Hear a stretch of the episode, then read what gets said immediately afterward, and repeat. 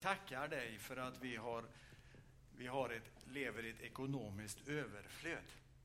Att vi har så vi kan dela med oss, så att vi kan offra och ge åt dig och ditt arbete och även åt andra håll. Nu ber vi, välsigna den gåva som vi har burit fram, Herre. Välsigna det arbete som sker här i ditt namn. Vi ber för söndagsskolan och deras ledare som precis gick ner till sig. Var med dem, Herre.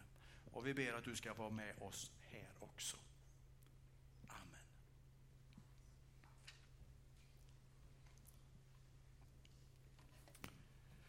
Jag ska läsa en vers ifrån Matteus evangeliets trettonde kapitel. Och det är vers 44. Där Jesus säger så här. Himmelriket är som en skatt som ligger gömd i en åker. En man hittar den och gömmer den igen. Och i sin glädje går han och säljer allt han äger och köper åken. Amen.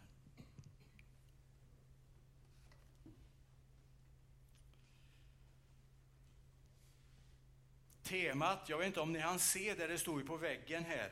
Temat idag är ju När blir Gud Gud? Eh, och det kan man ju fundera på. Och eh, när man frågar någon så säger ju den givetvis att Gud är alltid Gud. Alltså det spelar ingen roll om någon lyssnar. Det spelar ingen roll om någon bryr sig. Det spelar ingen roll om andra liksom vänder ryggen till. Gud är ändå Gud. Det är inget som vi kan ändra på eller styra på något sätt. För Gud är Gud. Punkt.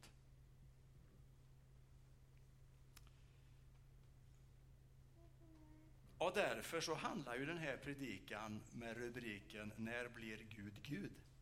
Så handlar ju den mer om vad vi kan göra för att Gud ska bli Gud i våra liv.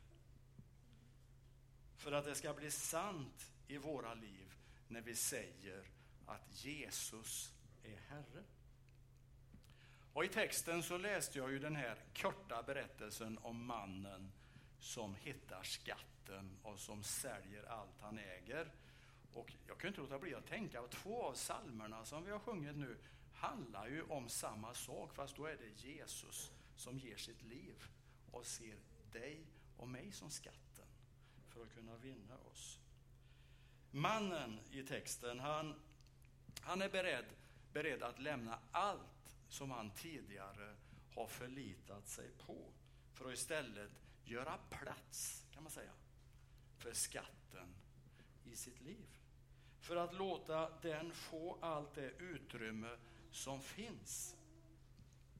Och när vi satt tidigare, eh, vi som medverkar, och funderade runt temat eh, så var det någon som sa ungefär så här, att vi har aldrig fått höra från Jesus att vi kan fortsätta precis som förut. Det är på något sätt det som är kärnan i Jesu budskap, att vi inte bara kan fortsätta precis som förut. För erbjudandet gäller en förändring i våra liv. Och då handlar det ju inte om att vi ska bli bättre människor. Även om det givetvis är önskvärt kanske i de flesta fall.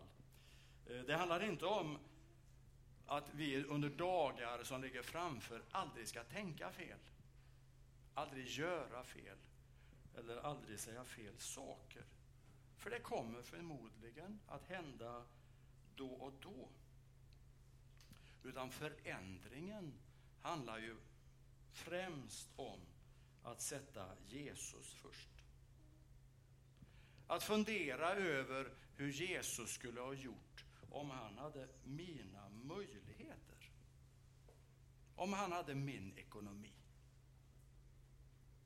de tillgångar jag har på banken och vad jag nu har dem. Hur skulle han vilja använda dem? Och om han hade lika mycket tid till förfogande som jag har, som jag kan välja att tillbringa för mig själv, liksom, eller som jag kan använda för andra människors skull. Hur skulle han göra? Vad skulle han satsa på?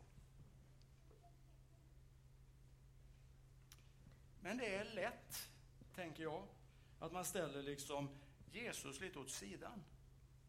Och så tittar man på andra människor. Hur gör de? Vart reser de? Vad köper de? Hur är de klädda? Och inte minst, vad tycker de? Om olika saker. Vad tycker de om mig? Jesus säger i Lukas 9 och 25, vad hjälper det en människa om hon vinner hela världen men får betala med att mista sig själv? Och jag tänker att det är ju där som många människor befinner sig idag. Inte minst i vårt land, kanske inte minst i det område där vi bor. Man har allt man kan önska sig. I alla fall nästan allt. Men känner ingen glädje.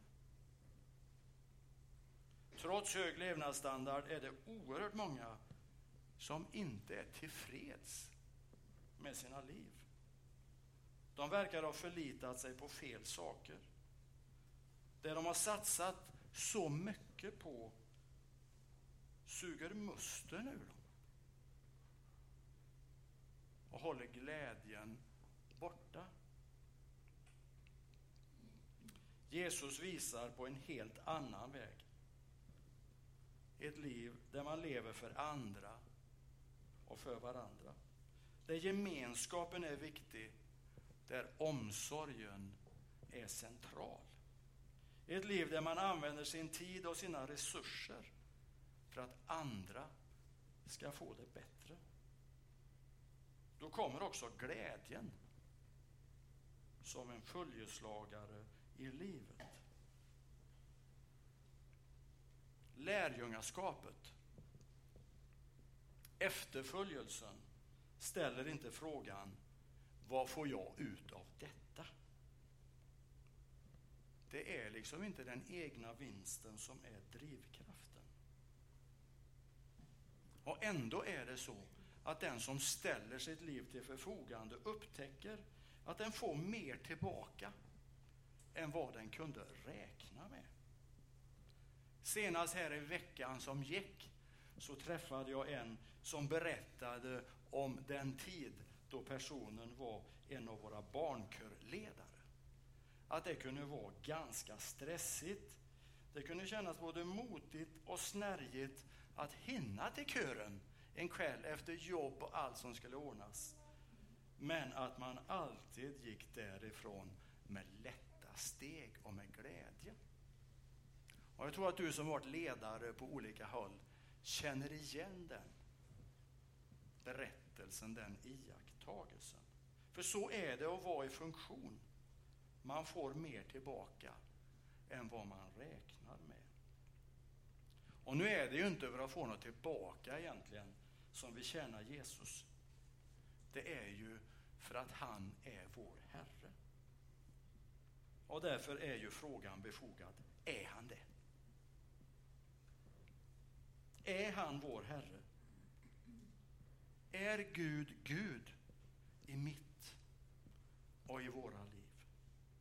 Är det Guds röst som jag lyssnar efter?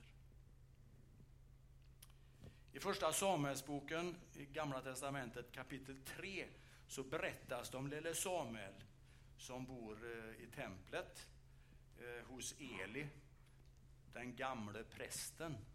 Och så hör ju Samuel hur det någon ropar Samuel. Han tror ju det är Eli så han går dit. Men så fattar han att det inte är det. Det är ju Eli som hjälper honom att fatta.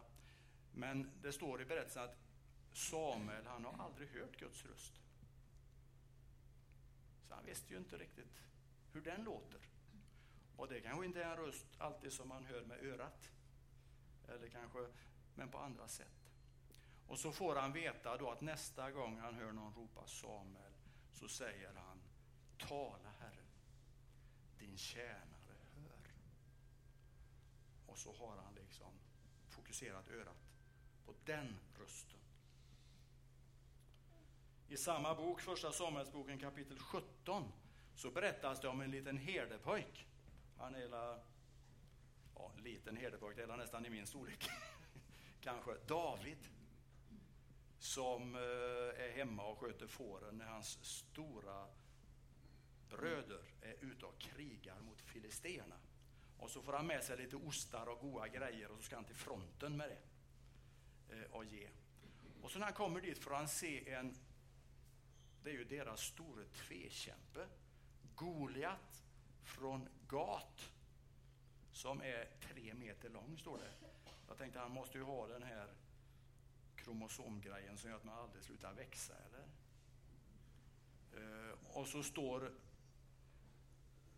Hela folket är ju livrädda, eller inte folket utan soldaterna. Men, men David, han kan ju inte ta det där att det står en man och hädar Gud. Så han använder det han har. Och ni kan läsa berättelsen i Första Samuelsboken 17 om ni inte minns den. Hur han går ut med sin slunga och sin sten. Eh, David säger till Goliat, du kommer med vapen och grejer men jag kommer i Guds namn och därför ska jag vinna. Och Bibeln berättar om många stora ledare som fick betyda mycket. Och det som är gemensamt, jag vet inte för alla, men för många så har de det gemensamt att de såg inte mycket ut för världen när de trädde fram, när de ställde sina liv till Guds förfogande. Men det är ändå som om de sa, här är jag. Använd mig så gott du kan, om det går. Efterföljelsen att följa Jesus handlar om ett nytt fokus. Det handlar om att ställa Jesus i centrum för sitt liv. Det handlar om att låta honom inspirera och influera dina tankar och dina handlingar. När jag var kanske i 20-årsåldern. Då var jag snickare på den tiden. Eh, och eh, så bodde jag ju på en ö, Donsö. Och nästan den här, eller inte, nu är det inte så vanligt längre, men på sommarperioden. Så när man kom ner till sin parkering som man hade, jag åkte med chefen så det var hans parkering. Men det var väldigt, väldigt, väldigt vanligt att någon hade snott parkeringen. För de hade ju bråttom till båten. Det var som vi tänkte badgäster. Alltså det är ju stosspor, slunkar, alltså det är sämre sort än oss. Typ. Eh, och det, det, gjorde, när det hände många gånger så blev man ju ganska förtretad. Och min chef, han var ganska uppfinningsrik, han hittade på små straff ibland. Och sen var det en gång som jag hade lånat en bil för att göra något och jag hade gjort något gudligt uppdrag, jag minns inte längre. Men så ska jag ställa tillbaks bilen på Saltholmen. Och så när jag kommer dit, vad tror ni har hänt? Det står en bil där på parkeringen. Men jag har ju en läromästare så att längre bort låg en pickup. Jag gick och tittade och på pickupen så låg det ett rep. Jag hade dragkok och jag hade sett att bilen där har dragkrok. Så jag kopplade till och så försökte jag släpa iväg. Men det var så väldigt snett så jag fick ju inte jag tänkte jag förstör bilen om jag fortsätter detta projekt. Så jag slutade, tänkte jag får väl ställa bilen någon annanstans. Det var då jag insåg liksom, nej det var ju inte nummer 34 jag skulle ställa mig på. Det var ju 37 och den var ju ledig. Varför berättar jag det? Jo, det var inte Jesus som var min inspirationskälla den dagen. Man kan ju fundera, skulle de där tankarna som liksom fyllde upp mig direkt sådär, skulle de ens ha tänkts om det var Jesus som var min inspirationskälla? Det kan man ju fundera på.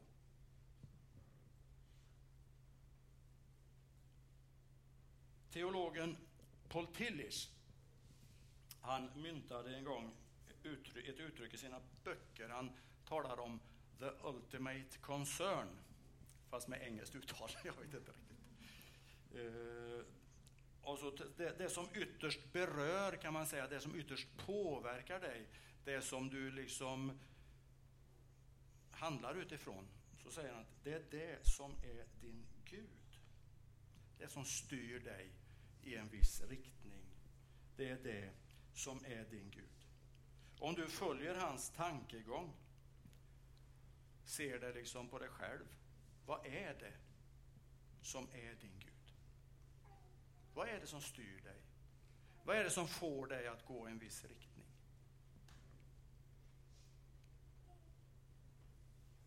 När jag försökte hävda det som jag tyckte var min rättighet på Saltholmen den där gången, när jag inte lyckades riktigt.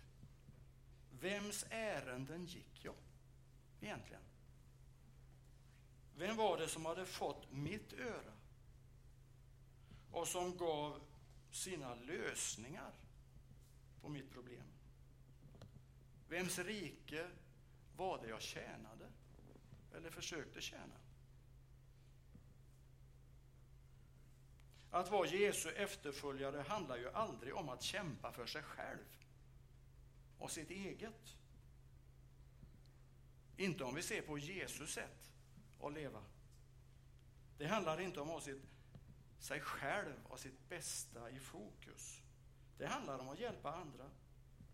Att se dem som behöver mig. Det kan vara ett barn i barn och ungdomsarbete. Men det kan lika gärna vara en granne, en arbetskamrat, en avlägsen släkting eller någon som du bara möter på gatan när du är på väg någonstans, någon som du aldrig har sett förut.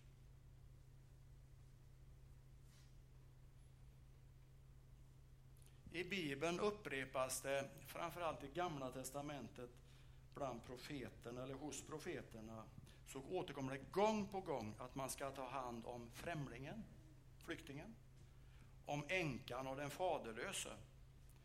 Eh, alltså de, de utsatta. De som inte klarar sig själva. Och skulle profeterna leva på vår tid så kanske det skulle komma nya kategorier som man ser som liksom faller igenom. Jag tänker att det är det som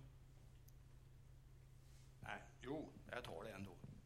Jag tänker att det är det som eh, gjorde, jag tyckte att valet som vi gjorde för en vecka sedan, att det var så jättesvårt.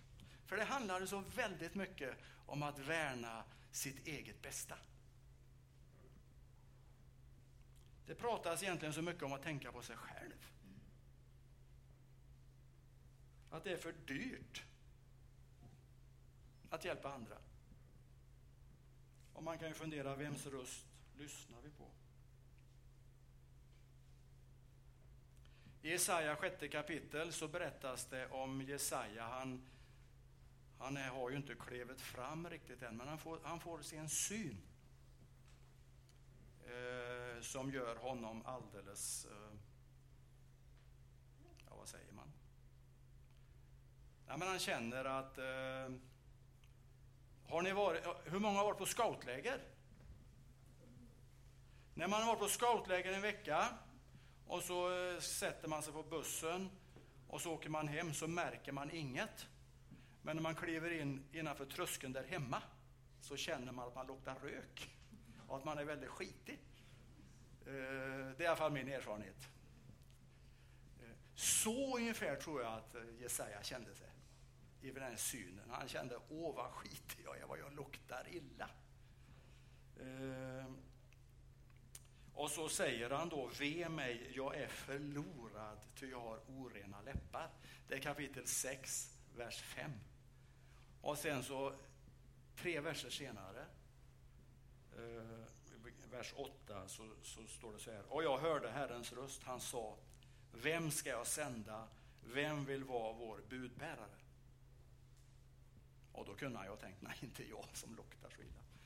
Men han säger, eller det står, jag svarade, jag, sänd mig, säger Jesaja.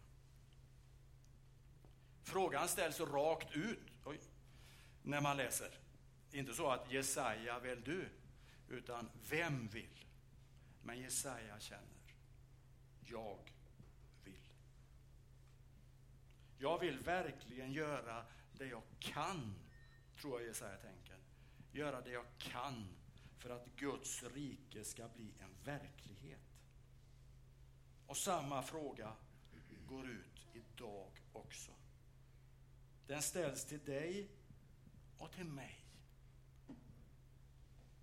Vem ska jag sända? Vem vill vara min medarbetare?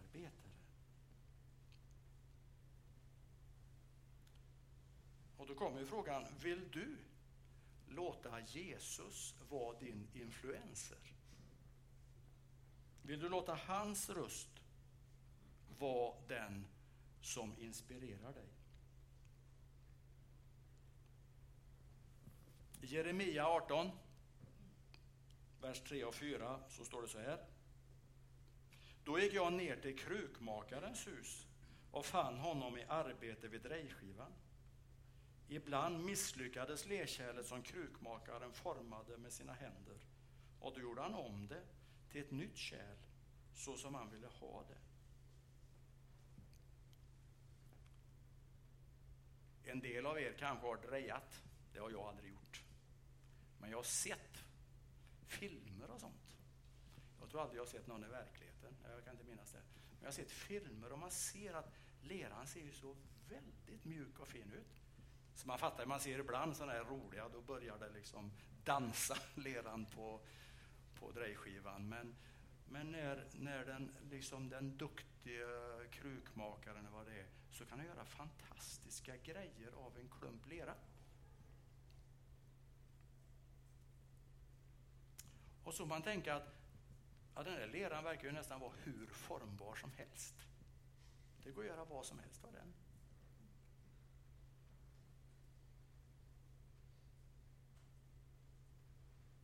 Hur formbar är jag? Hur formbar är du för Guds rike?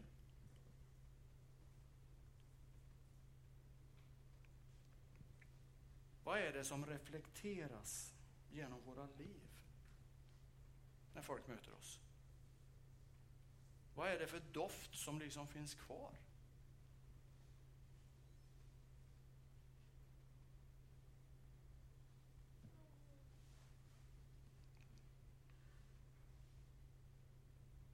Den skatt som jag har funnit är jag beredd att lämna sånt jag har idag för att satsa på det jag har hittat? Eller är det andra saker jag ytterst längtar efter? Vill jag att Jesus ska vara Herre i mitt liv? Och vågar jag låta honom bli det? Och hur tänker du när det gäller ditt liv?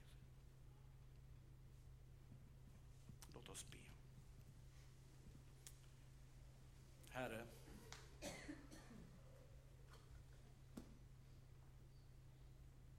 du känner oss utan och innan. Du vet hur vi tänker. Och vi tycker kanske många gånger att vi har det är helt självklart att vi tänker som vi tänker och vi har all rätt att fundera som vi funderar. Men Herre, hjälp oss att bli som den här lerklumpen i dina händer. Forma oss, Herre, inte så att vi blir något helt annat än de vi är. Utan gör oss till de som vi innerst inne är. De som du har skapat oss till. Våga lita på din kärlek, att du älskar oss som de du är. Våga lita på att du kan använda oss. Kanske inte där som den är eller den är eller någon annan, utan där vi finns. Hjälp oss att vara dina medarbetare, dina efterföljare. och hjälp oss leva så att du blir Herre i våra liv.